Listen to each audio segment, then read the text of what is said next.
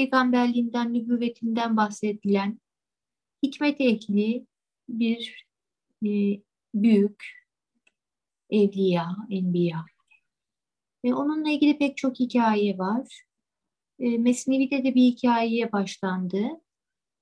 Yani Lokman efendisine hizmet eden fakat efendisinin ondaki büyüklüğü fark ettiği, keşfettiği ve dolayısıyla ona hürmet ettiği bir mevkide bulunuyor. Hem köle ama aynı zamanda da efendi gibi. E, bu temsili anlatım içerisinde tabii ki Allah'ın mütevazi, fakir kulları e, görünür.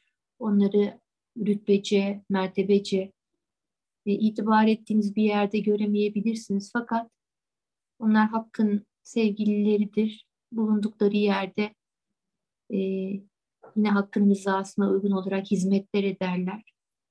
Ama bilinir ama bilinmez. Dolayısıyla e, dikkatli olmalı. Böyle gönül ehli kimselerle, hikmet ehli kimselerle karşılaştığımı e, mevkilerine bakmaksızın onlara hürmet etmeli, mümkünse hizmet etmeli. Tıpkı Lokman'ın efendisinin e, ona hizmette kusur etme işi, hürmette kusur etme işi gibi. Esasen diyor şunu iyi bil ki o mana aleminden bu suret alemine böyle tersine akseden çok şeyler vardır. Lokman'ın efendisi bu gizli hali anlamıştı. Yani köle görünen Lokman'ın hakikatte bir efendi olduğunu hissetmişti.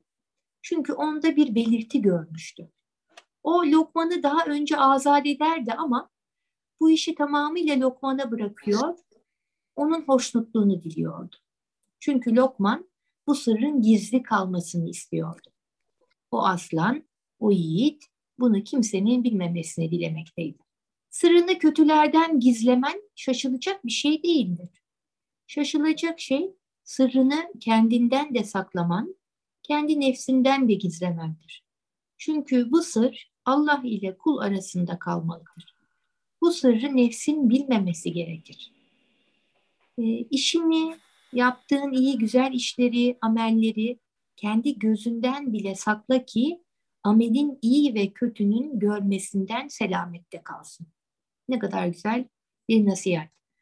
Ee, insanın hatasına, kusuruna takılması nasıl onu yoldan bırakırsa tıpkı bunun gibi yaptığı güzelliklere, hayır hasenata, salih amellere takılması, fiilini görmesi, onu kendinden bilmesi de kişiyi Allah muhafaza yoldan bırakan e, mühim zaaflardan biri. Yani azımsanmayacak zaaflardan biri. Kimi zaman büyükler e, bunun yapılan işleri de, salih amelleri de götüreceğini söylüyorlar. Dolayısıyla bizim geleneğimize yerleşmiş olan o prensibi canlı tutmalı, yaşamaya çalışmalı.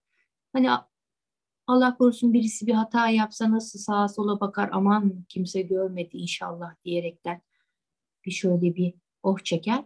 Onun gibi iyilik yapan, hayır işleyen, güzel bir ameli olan kişi de bunu başta kendi nefsi olmak üzere sağından solundan çevresinden e, sakınsın, devam etsin. Devam ettikçe zaten e, o bir şekilde e, şey olur, yayılır. Halk içinde yine yayılır. Ne kadar istesen de keramet denen şey vaki olduğu için keramet biliyorsunuz e, cömertlikten geliyor. Kerem sahibi Allah'ın vasfının. E, kuldaki tecellisidir keramet. Yani kişinin güzel halleri kendi vücuduna sığmayınca bir noktada zaten taşıyor. Taştığı vakit duyulsun. Değil mi? Ben nasıl bardaktan su taşarsa ah bakarsın ah çok koymuşum taşmış. Her yer su olur. Bir sesi duyulur o bereket e, görülecek hadde gelmiştir. Bunun gibi güzelliklerimizi de yaptıklarımızı da saymayalım. Hep az görelim. Hep daha çok yapanlara bakalım.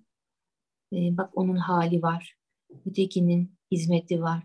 Onun e, dilinde söz var. Bunun elinde kalem var. Bunun vücudu var. E, öteki e, kesesinde var dağıtıyor. Ben ne veriyorum? Ben ne yapıyorum? Ben kime fayda? Hep bunu az görmeli, yaptığımızı az görmeli ve bizden e, daha çok hayır hasenatta bulunanlara bakmalıyız. Bedenine saplanmış bir oku çekip çıkarmak için yaralı bir adama afyon verirler. Neymiş? Bedenine bir şey saplandığı zaman o kişinin e, acısını duymasın, oku çıkarırken acısını duymasın diye biraz afyon verirler. Ölüm vaktinde de hastaya ağrı sızı verirler. O onlarla meşgul iken de canını alıverirler. Demek ki gönlünü herhangi bir düşünceye verince, hangi düşünce olursa olsun, gizlice senden bir şey alırlar, götürürler. Aziz ömrünü tüketirler. Demek ki gönlünü herhangi bir şeye kaptırırsan, sen onu gönlünü oraya kaptırdığın vakit senden bir şey çalarlar. Aziz ömrünü tüketirler. Ey işinin üstüne çok düşen kişi. Her ne elde edersen et, o sırada bir hırsız, ummadığın ve emin olmadığın yönden gelerek elde ettiğin şeyi alır götürür. Sen kendini bir şeye çok veriyorsun ya, hiç ummadığın bir yönden gelerek senin kıymetli cevherini alır götürürler. Öyleyse sen en iyi olan şeyle oyalan da senden en bayağı, en değersiz şeyi alsın götürsünler. Yani sen zaten e, bu dünyada kıymet verilecek en güzel şey neyse onunla uğraş. O sırada gelip senden bir şey alınacak belli. Bari en değersiz, en basit bir şey hayatından gitsin. Bu durumda Allah'a, maneviyata, baki olan şeylere kıymet vermeli. Ötesi, ötesi zaten gidecek. İstediğin kadar tut. Gidecek. Senden de benden de hepimizden de gidecek. Ahmet Erfai Hazretleri'nin e, kitabını şimdi yazıyorum. İnşallah hayır dualarınızı tamamlanır. Orada beni her gün başka etkiliyor Hazret. Diyor ki çok sohbeti içerisine kattığı küçük bir hikmet ama bir cümle ama ne büyük hikmet. Hayat acı ya da tatlı bir hatıradan ibarettir diyor Ahmet Erfai. Acı, tatlı bir hatıradan ibaret. İster ömrünü köşklerde, saraylarda geçir, gününü güne, diyar diyar gez, türlü zevklere sal. İster acılarla, mihnetlerle geçmiş olsun. Acı ya da tatlı bir hatıradan ibarettir. Kalmadığı için neticede. Heh. O halde bu ömürden maksat neyse onu hasıl etmeye bak. Elde kalan şey o olsun.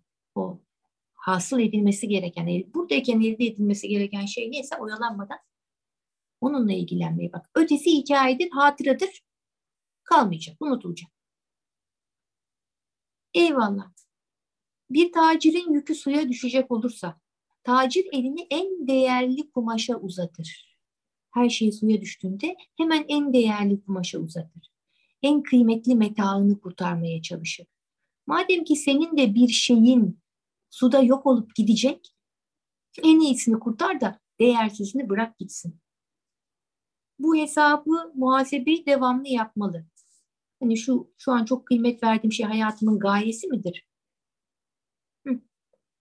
Değilse denizin dibine dibi bu. Tamam. Ama gayem olan bir husussa o zaman orada titizlenmeliyiz. Bu ayrımı iyi yapmalıyız arkadaşlar. Her yemek vaktinde Lokman'ın efendisine yemek getirdikleri zaman hikayeye geliyoruz. O Lokman'a adam yollar onu çağırtırdı. Önce o yemeğe Lokman el uzatır ve bir lokma alırdı. Efendisi onun artığını yerdi. Efendisi onun artığını yer, bundan çok zevk alırdı.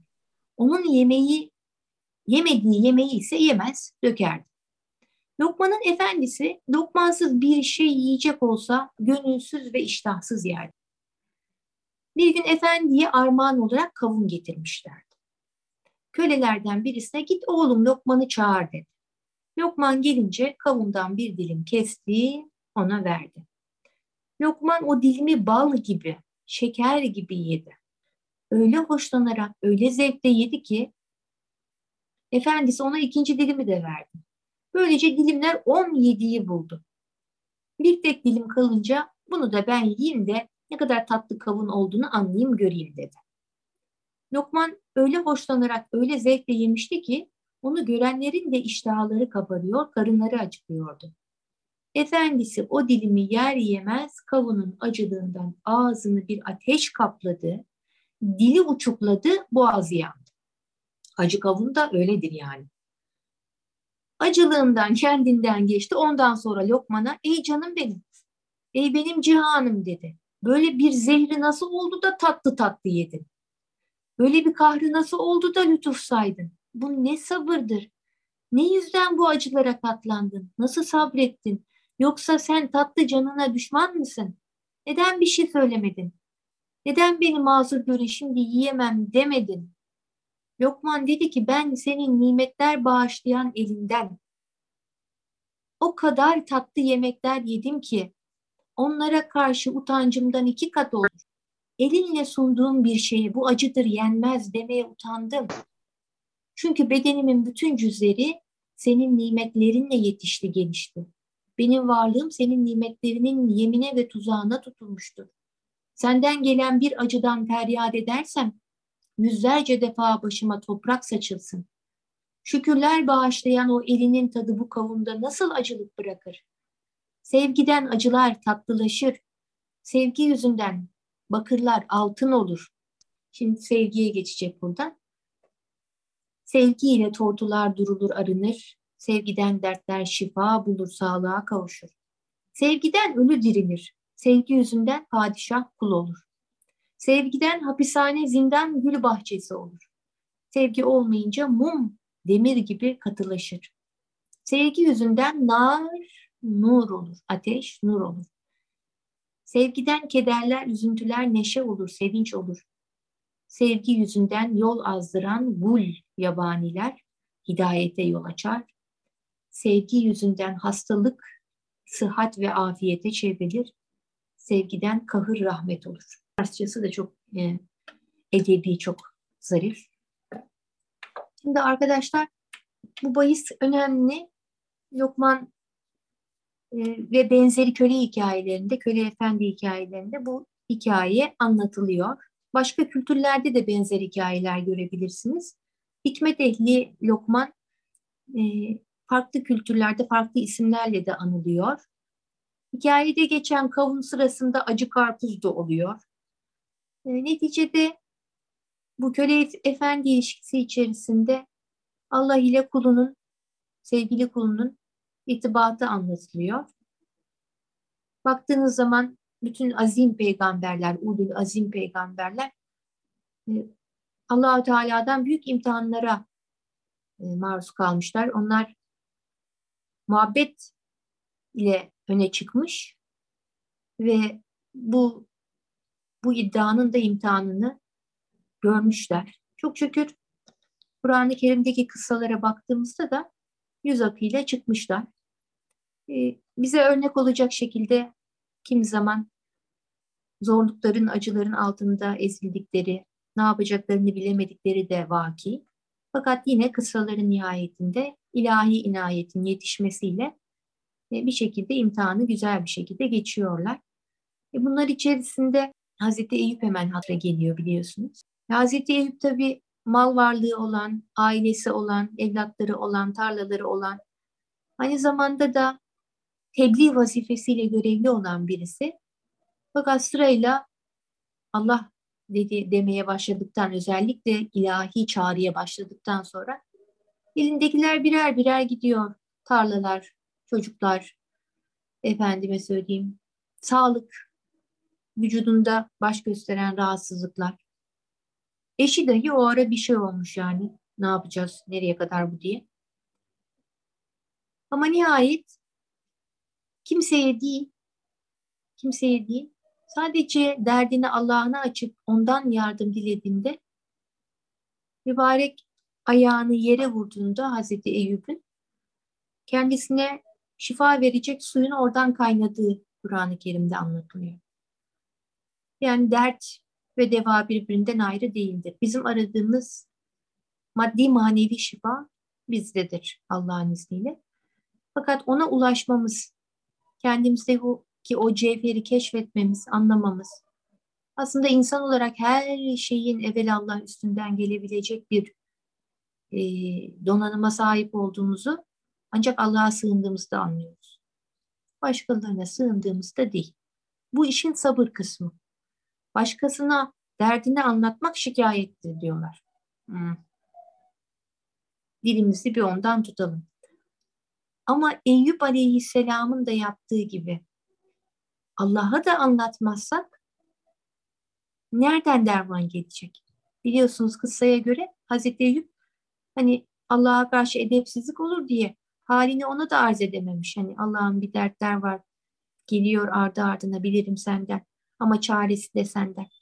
Lütfet Allah'ım şifa, derman diye niyaza durmadığı için yetişmemiş imdat. Daha sonra duaya, niyaza, yardım dilemeye, istimdada yönelince o vakit hemen Allah'ın inayeti yetişiyor. E niçin daha önce yetişmedin Allah'ım diyor madem bu kadar yakındı ama yalvarmadın, niyaz etmedin diyor allah Teala. Duanız olmasa ne yapayım sizi diyor allah Teala. Niyazınız olmazsa ilahi, ilahi ya Rabbi. Bilirim her şey senden. Bilirim zorluk, güzellik senden, hayır şer senden. Bu içinde bulunduğum halde sendendir. İnayetinle yetiş de şu imtihanı hayırla geçeyim. İnşallah bu günleri geride bırakayım. Maddi manevi güçleneyim, hizmetine koyulayım Allah'ım diye dua, niyaz etmeyeceksek niye geldik bu dünyaya? Değil mi? Eyvallah. Şimdi e, bu işin sabır kısmı. Burada anlatılan rıza kısmı onun da ötesinde bir şey. Hani bir dert gelmiş Lokman'a acı bir kavun öyle bir tatlılıkta öyle bir güzellikte yiyor ki bunun da arkasında çok hikmet var. Diyor ki Hazreti Mevlana Lokman'ın dilinden ben senin verdiğin nimetlerle bugüne geldim. Her türlü e, beni besledin, yedirdin, içirdin, muhafaza eyledin. Değil mi? Ben sana hizmet ettiğim gibi sen de beni Rab olarak korudun, kolladın. Arapçada Rab efendi demek. E, efendisine öyle diyor Lokman. Sen de beni korudun, kolladın, gözettin, besledin, bugüne getirdin.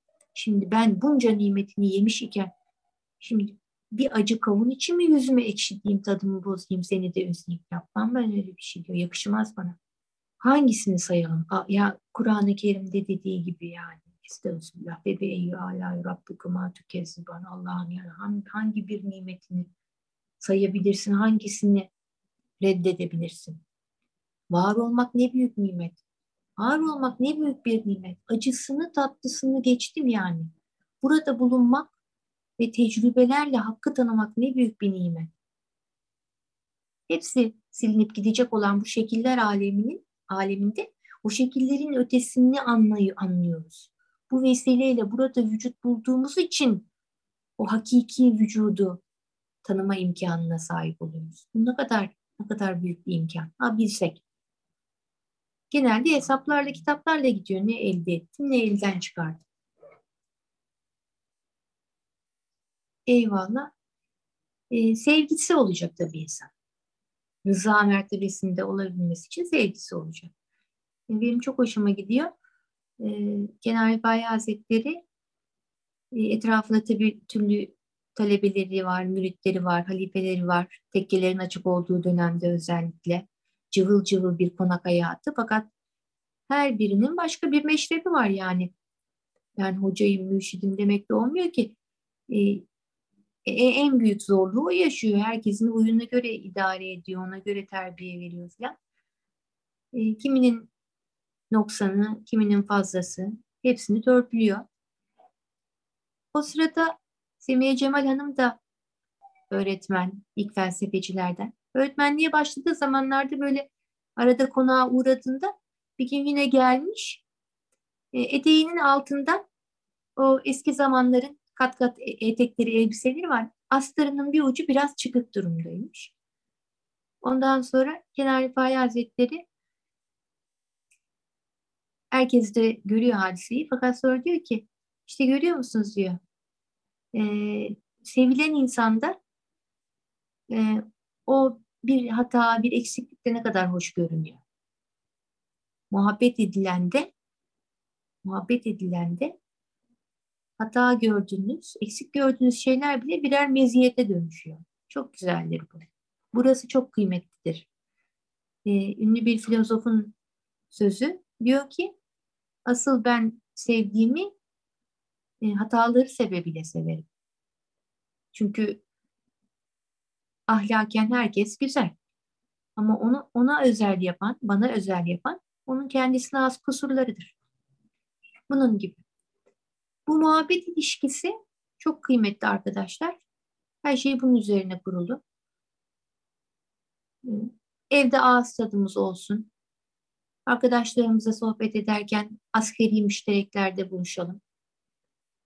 E, mürşidimiz de yine aynı şekilde e, muhabbet üzerine bir irtibatımız. İhvanımız da ufak tefek hatalarını, bize uymayan taraflarını görmeden Allah muhabbeti, peygamber sevgisi, mürşit sevgisi, insanlık sevgisi bu değerlerin etrafında birleştikten sonra artık onlardan gelen ufak tefek eziyetleri, zorlukları öpüp başımıza koyacağız. E, çünkü bizim güzelliğimiz de burada ortaya çıkacak. Kusurları örtmek. Allah'tan gelene razı olmak konusu. Ee, İmam Gazali Hazretlerinden rıza bahsini İhya Ulumiddin'den baktım. Çünkü konuşmada da tavsiye ettim. Daha çok okumak lazım İmam Gazali Hazretleri'ni. Biz İbn Arabi tasavvufunu falan çok şey yapıyoruz ama bu temel tasavvuf kitabı olan İhya'dan uzak düşünce olmuyor arkadaşlar. Adab-ı muaşeret, ibadetlerin adabı, e, temel e, manevi gelişimimizi temin edecek, kötü huylardan kurtulmanın yolları, güzel alışkanlıklar edinmenin yolları. Bunlar hep İhya Ulumuddin'de anlatılıyor. E, edinelim, okuyalım. Rıza nedir? Bakalım. Hazreti Peygamber'den, Kur'an'dan başlayarak anlatıyor İmam Gazali. Diyor ki allah Teala şöyle buyurmuştur. Allah mümin erkeklere ve mümin kadınlara altlarında ırmaklar akan cennetler vaat etti. Orada ebedi kalacaklardır. Halidine fiha ebeda. Hem de adn cennetlerinde hoş meskenler vaat etmiştir.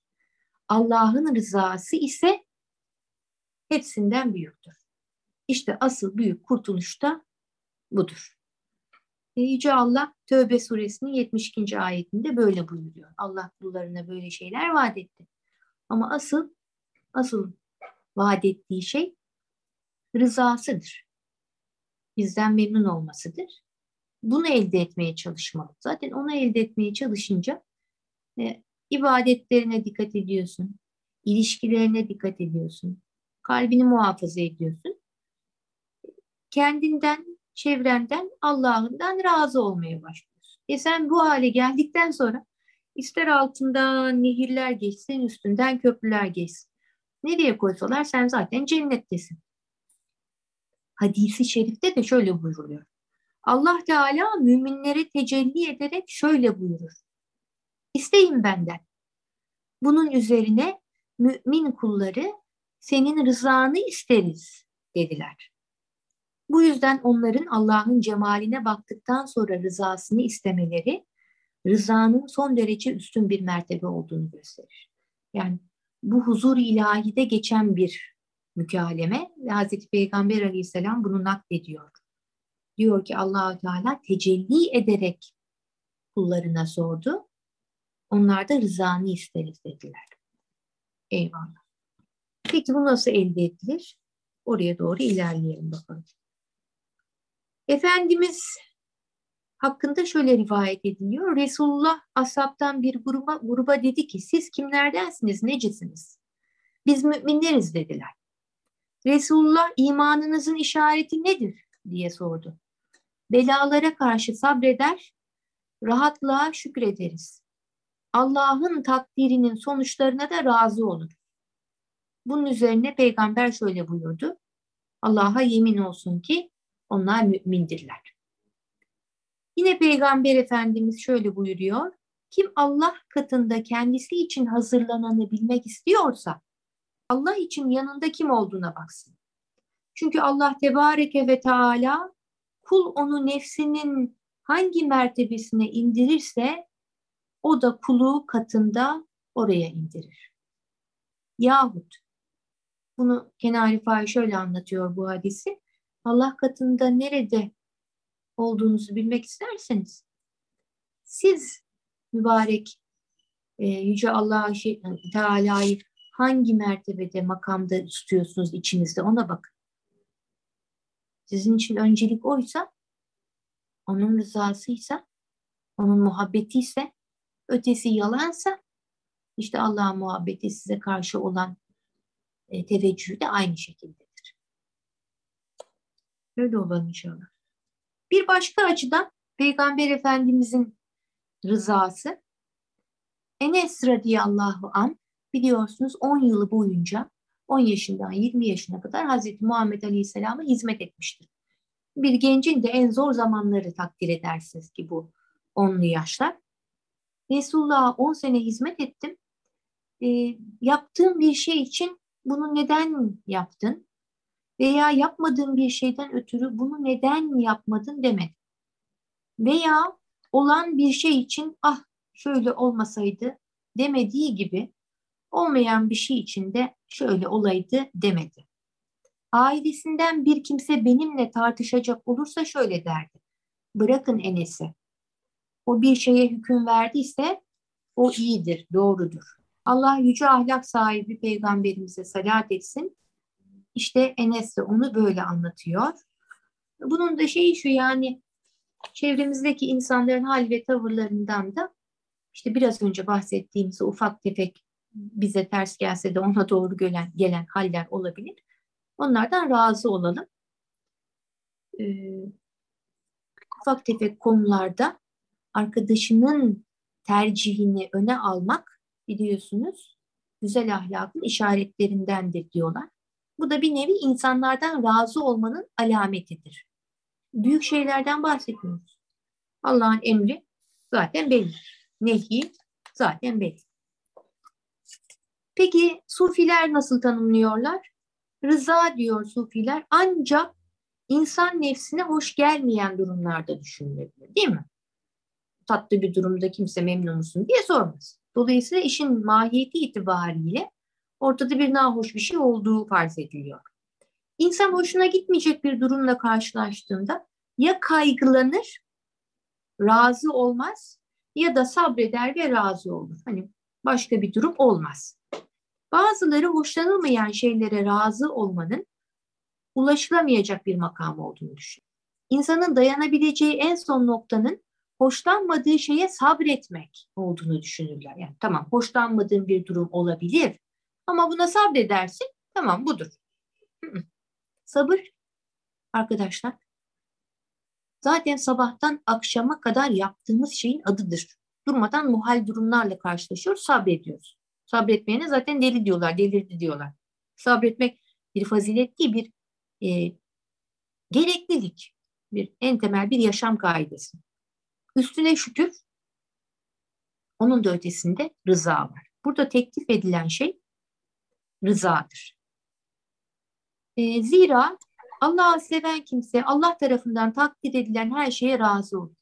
Allah'ı seviyorsak, La ilahe illallah, Muhammeden Resulullah diyorsak budur. Kabul ettiğimiz Allah peygamberi. Bitti. Dekkak diyor ki ünlü bir sufi, rıza e, musibeti hissetmemek değildir. Rıza hükme ve Allah'ın takdirine itiraz etmemektir. Heh, şimdi de oldu. Yani toptan hiçbir şey duymuyor değilsiniz, duyuyorsunuz. Ama e, bunun da geçeceğini bilerek, Allah'ın verdiğini bilerek, arkasından bunun kat be kat daha maddi manevi arkasından güzellikler geleceğini bilerek, çünkü allah Teala kimseye borçlu kalmaz, aldığını kat kat verir, fazla fazla verir. Burada verir, öbür dünyada verir. E, sabrederek ve arkasından hoşnutlukla, razı olarak geçiriyorsunuz. İbni Ata da diyor ki rıza kızmayı terk etmektir. Bazıları da şikayeti terk etmenin ve kalp ile itiraz etmemenin yeterli olmadığını, hakiki rızanın hoşlandığımız şeylerle, sevindiğimiz gibi hoşlanmadığımız şeylerle de sevinmek olduğunu düşünürler. Ruveym şöyle demiştir, rıza Allah'ın her türlü hükümlerini sevinçle karşılamaktır. Ee, Ebu Osman da şöyle diyor, 40 senedir Allah'ın benim için takdir ettiği bir hali beğenmemezlik etmedim. Başka bir hale dönüştürmesinden ötürü de kızmadım. E, Utbetül Gulam sabaha kadar şöyle dua edermiş. Allah'ım sen kızsan da, azap etsen de, ödüllendirsen de ben seni severim. Bana merhamet etsen ben seni yine severim. Oh Rıza'nın öyle bir noktasını bilmek isterim ki diyor Darani. Ya Allah Teala beni nara da atsa buna razı olurum. Eyvallah. Bu şeye Rabiatül Adeviye'nin sözüne de benziyor. Hani elinde menkıbeye göre Rabiatül Adeviye e, bir testi suyla koşturuyormuş. Nereye gidiyorsun diyorlar. Cehennemin diyor ateşini e, söndürmeye. E, cenneti de herhalde ateşe verecek. Neden diyorlar? E, sırf zatı hakkı için, rızası için, muhabbeti için Allah'a ibadet edilsin diye. Mükafat ve başka bir şey endişesiyle değil. Allah muhabbetimizi arttırsın kendisine karşı. E, diğer türlü hemen bir şeyleri meyledip sonra da ondan nankörlük göreceğimizi bilerekten peşi sıra gidiyoruz. Hüsrana uğrayınca tabii dönüş Allah'adır. Ayeti hükmü cereyan ediyor. Hemen huzuru ilahiye dönüp Allah'ım affet. Yine bir gaflettir kapıldım gittim diyoruz. Bu her şey için böyle ama hani ilmi açıdan işte mevki, mertebe açısından düşünülebilir, evlat, çocuk, iyal, eş açısından düşünülebilir. Hepsine gereken kıymeti vermek şartıyla kalbinizin merkezinde tutmayın diyorlar. Yoksa hani kırılırsınız. Gözün içine bakarsanız kırılırsınız. Hep birlikte o muhabbet halkası ile birlikte manevi yüce değerlere yönelik arkadaşlar. İşin gerçeği bu. Güzel bir gayeyi, bizden sonrakilere miras bırakılabilecek bir gayeye hep beraber yönelelim. Eyvallah. Bir de Ahmet Erifai'den bir nasihat okuyalım. Ey oğul, yediğin yok olup gitmiştir. Giydiğin eskimiştir. Sana kalan ve seni karşılayacak olan sadece amellerindir. Allah'a kavuşmak kaçınılmazdır. Dostlardan ayrılık kesindir. Dünyada insanın ilk hali aç ve zaaf, son hali de ölüm ve kabirdir. Böyle. Dünyadakilere beka olsa binaların yıkıl yıkılmaması gerekir. Öyleyse baki olan Allah'a kalbini rapt et masivadan yüz çevir. Gönlünü çevir. Yani kıble olarak onların teveccühünü, iltifatını, izzetini bunları itibara alma. Sen yüce olan Allah'a gönlünü çevir. Ee, Allah bes baki heveste. O zaman o kalender meşrep, o rindane hayat. Of şimdilerde hani bir kelime var İngilizce'de. Cool diyorlar ya. İşte o olur öyle bir hani Allah'tan başkasına teveccüh etmeme hali de kişide hakim olunca e, diğer her şeyin de ona itibar ettiğini görürsünüz. Kendi hayatınızda da bunu tecrübe edebilirsiniz. Kıymetli olan şeyi bir kez öne koydu mu diğer bütün o şeylerin hepsi de e, siz hakkı hizmet edip e, dikkatinizi ona yöneltince bütün dünyada size hizmet etmek için koşturuyor arkadaşlar. E, niyetini vesvese ve kirlerinden arıt, şeriata uygun tarzda hizmete sarıl. E, tasavvuf yoluna sülukun tevazu ile olsun. Her halükarda Allah'a teslim ol. Kalbini halka meyil ve muhabbetten koru. Yani önümüze geleni seviyor değiliz de buradan kasıt insanların iltifat, ikram, e, teveccühlerini hedef almayalım. Birileri beğensin diye. E, yaptığımız kıymet görsün diye, anılsın diye. Bunlarla vakit kaybetmeyelim. O Vakti gelince ortaya çıkar. Kıymetini ancak yine bilecek olanlar bilir. Sana zulmedeni bağışla, sana kibirli davran, davranana karşı bile mütevazi ol.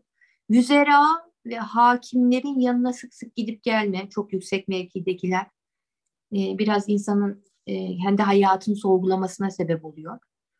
E, fukarayı sıkça ziyaret et, ara sor. Kabirleri çokça ziyaret et, işin sonu ölümdür de.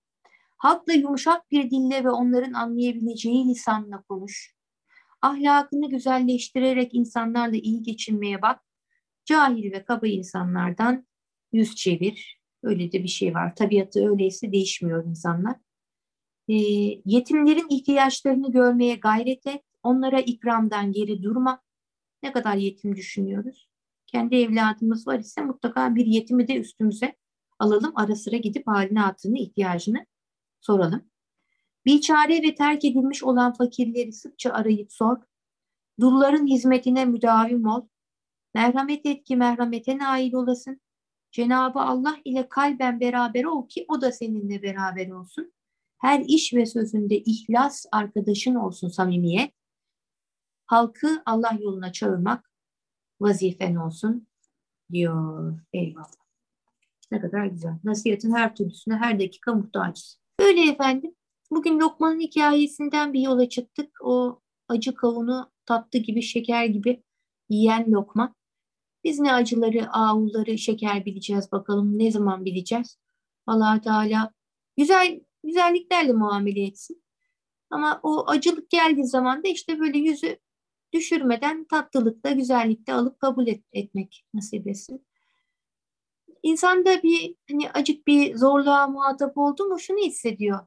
Yani Allah'ın sevgili kullarına verdiği bu zorluğu sen bana mı lütfettin Allah'ım diye. E, birden e, gönlü o buruklukla birlikte bir tatlılıkla da doluyor. Allah güzellikler versin. İşin gerçeği hep güzellik içindeyiz. Hep tatlılık ve güzellik içinde. İşin esası hayat. İçine acık hüzün karışmış. E, tatlı bir yoldur yani. Herkesin içinde bulunduğu hayattan bir zevki vardır. Bakmayın dışarıdan bakıldığında çok zor hayat görür. Onların da bir zevki vardır. Mesnevi'de anlatılıyor. Kenari Faide söyler o dışarıda diyor hammalları görürsün. Ay ben bu işi nasıl yaparım dersin. Halbuki onlar diyor evin önünde kapışırlar diyor o yükü ben taşıyacağım diye. Yani herkese allah Teala dağına göre kar vermiştir. Ee, onun içinde yaşadığı hayatın içinde bir zevk vermiştir. E sen de şunu gör ki senin de hayatının zevki var. Çok tatlı bir hayatın var. Tek tek şimdi etrafına sağına soluna dön bak. Çok her şey çok güzel yani. Her şey çok tatlı. İş ki e, biz öyle, öyle olalım yani. E, biz müminlerin İslam toplumlarının güzel faziletleri, değerleri e, muhafaza etmesi, yaygınlaştırması, e, öne, öne çıkarması lazım arkadaşlar.